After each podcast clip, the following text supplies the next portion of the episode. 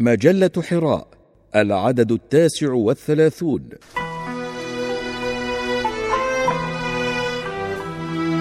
مونييه الديغوسي طبيب يبحث عن مرضاه.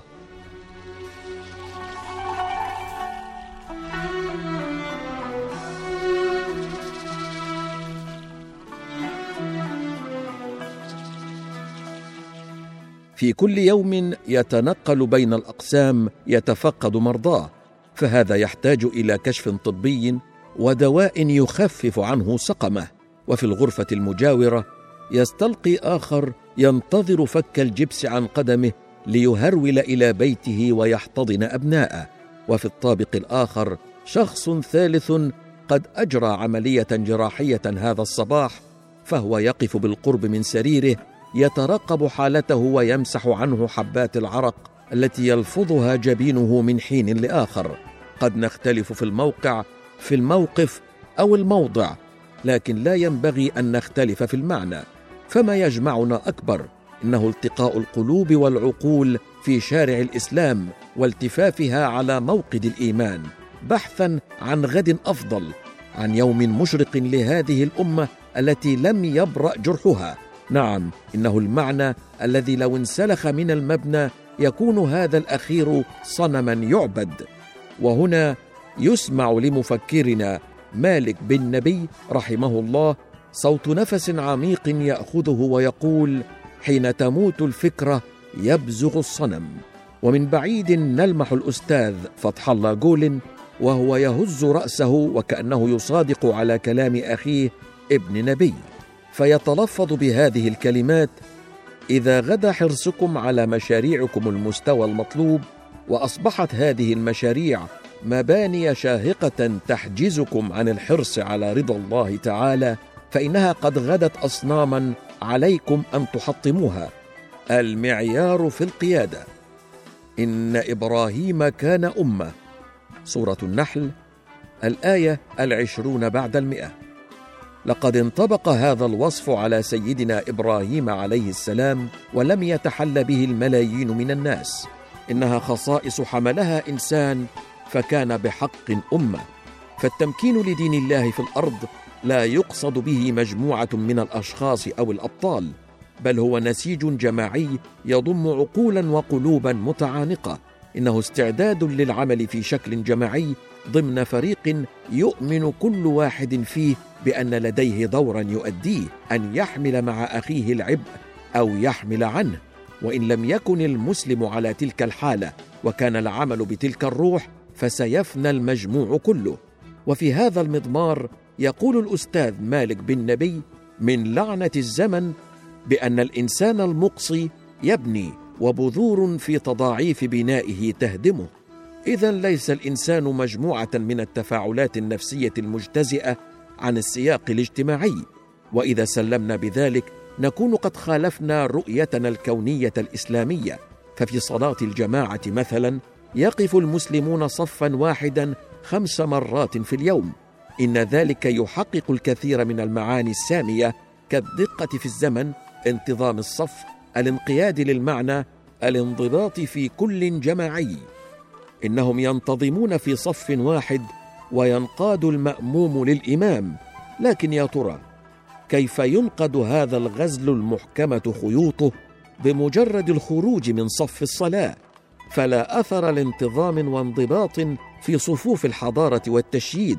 إننا ببساطة نغفل عن تلك المعاني وأنه لتتحرك الصلاة وتكون محورا ديناميكيا للحضارة وجب أن نفهمها فهما حضاريا إضافة للانضباط الفقهي. إنه الفهم الشمولي والرؤية المتكاملة التي ولد بها الإسلام. هذه الورشة الكبيرة التي ينشط فيها كل الناس حسب استطاعتهم وفق مخطط واحد. ذلك أن الانتظام الجماعي هو ما سيلد الحضارة.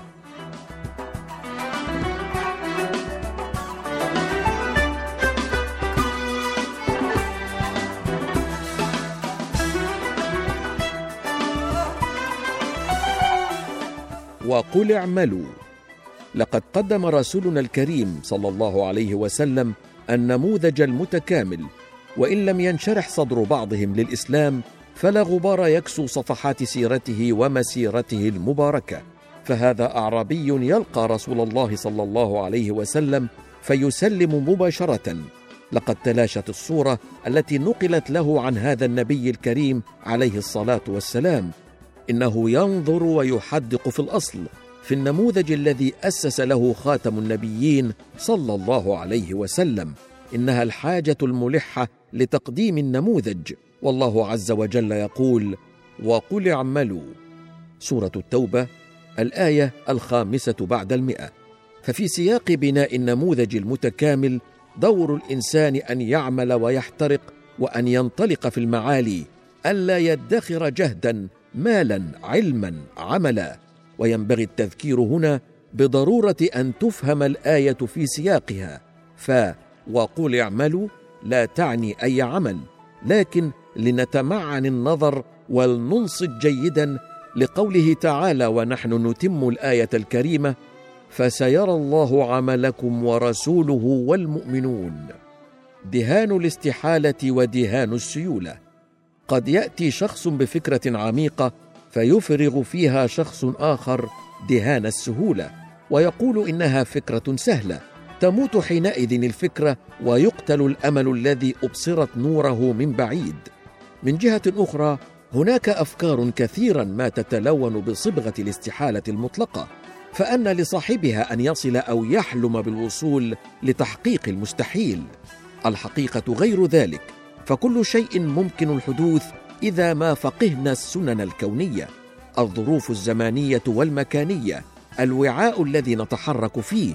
انه اجتهاد وجهاد الإنسان ليجمع بين رؤية النسر ودبيب النملة التي تتعثر في حبات الرمل التي تصادفها في الطريق. ذلك بالتأكيد لن يتحقق إلا بالصبر. والله تعالى في خلقه للسماوات السبع في ستة أيام يعلمنا أن هذا الكون منضبط بالزمن وأن لكل امرئ مدة زمنية ضرورية ليستوي ويحقق النضج. ولنا في قصة سيدنا يعقوب عليه السلام الأسوة الحسنة إذ نجد هذا النبي الضرير الفاقد لابنيه يوسف ثم بنيامين والمتشبع بروح الصبر الإيجابي يعلمنا يا بني اذهبوا فتحسسوا من يوسف وأخيه ولا تيأسوا من روح الله إنه لا ييأس من روح الله إلا القوم الكافرون. سورة يوسف الآية السابعة والثمانون. إنه باب الأمل يلجه الإنسان وهو آخذ بالاعتبار لأسباب الكون.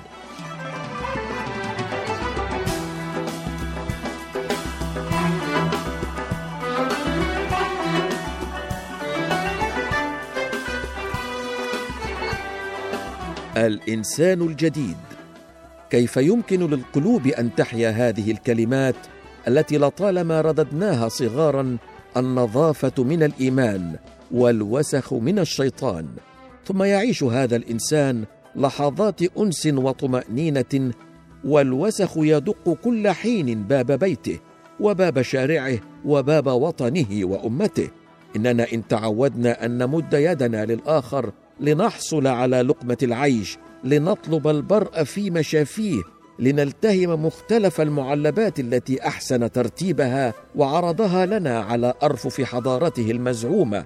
فدعوتنا له باسم الإسلام بعد ذلك لن تجعله يحرك ساكنا لن تدفع به ليحتضن هذا الدين العظيم. إننا ببساطة ندعوه ليكون مريضا. لذلك فالهدف أن يصوغ الإنسان المسلم اليوم سيمفونية متكاملة النغمات. سيجد حينئذ بالضرورة أذانا تصغي إليها. إنه يحرص تمام الحرص لتكتمل هذه النوطة الحضارية.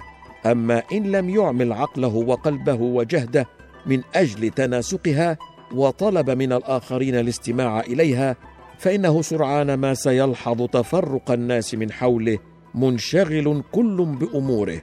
اذا هناك إنسان لم يتشكل بعد متوازن متكامل لا يعيش تناقضات بين ما يقرأ في القرآن الكريم وما احتوته السنة الشريفة وبين ما يجده في واقعه. إنه طبيب للمعنى والروح سائح في كون الله تعالى أينما حل أو انتقل فنور الحق يبزغ بداخله.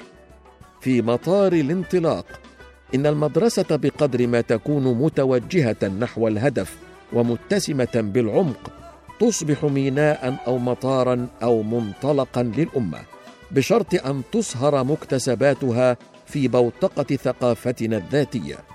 أجل إنها العودة إلى الذات إلى المعايير الذاتية للأمة المعايير غير المستوردة إلى الإيمان. فالإنسان صاحب الهم الحضاري يحمل ذلك الوزن الزائد الضروري على مر الزمن. إنها عودة تقتضي القيام بعملية غربلة فكرية إيمانية وجدانية. فالمعلم في قسمه ليس ملقنا للتلميذ لمعلومات وإلا ما كان معلما بل معلبا. لكن المخطط الأهم والاستراتيجي لديه هو بناء هذا الإنسان. وحين تنطلق المدرسة بهذا الحراك ستغدو حتما مطارا لإقلاع الأمة. المدرسة. إذا أردنا أن نبصر حاضر ومستقبل أمة ما فلننظر إلى تعليمها وهذا الصرح الحضاري المدرسة. في الحقيقة ما هو إلا مشتله والتلميذ فيه فسيلة طيبة.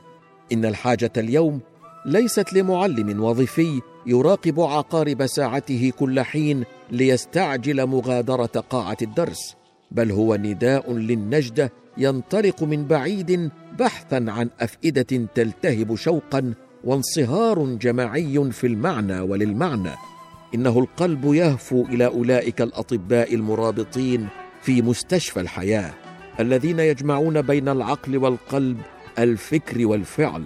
إنه إنسان صابر على تجنين الزمن ذهنه مركز على الحقل ويتحرك بثقة كبيرة في خالقه وباتخاذه لأسباب النصر والتمكين. نعم فبمنهج النبي صلى الله عليه وسلم التسديد والمقاربة يتحرك هذا الأمين على مستودع الحضارة يعمل ويفكر ويفكر وهو يعمل. مدرك تمام الإدراك أن المدرسة ليست هي آلة التغيير بل هي الحقل الخصب لذلك. وأن مهمته هي السقي والرعاية والتعهد فلا يزال يضرب في تلك الأرض حتى يخرج خيراتها بإذن الله.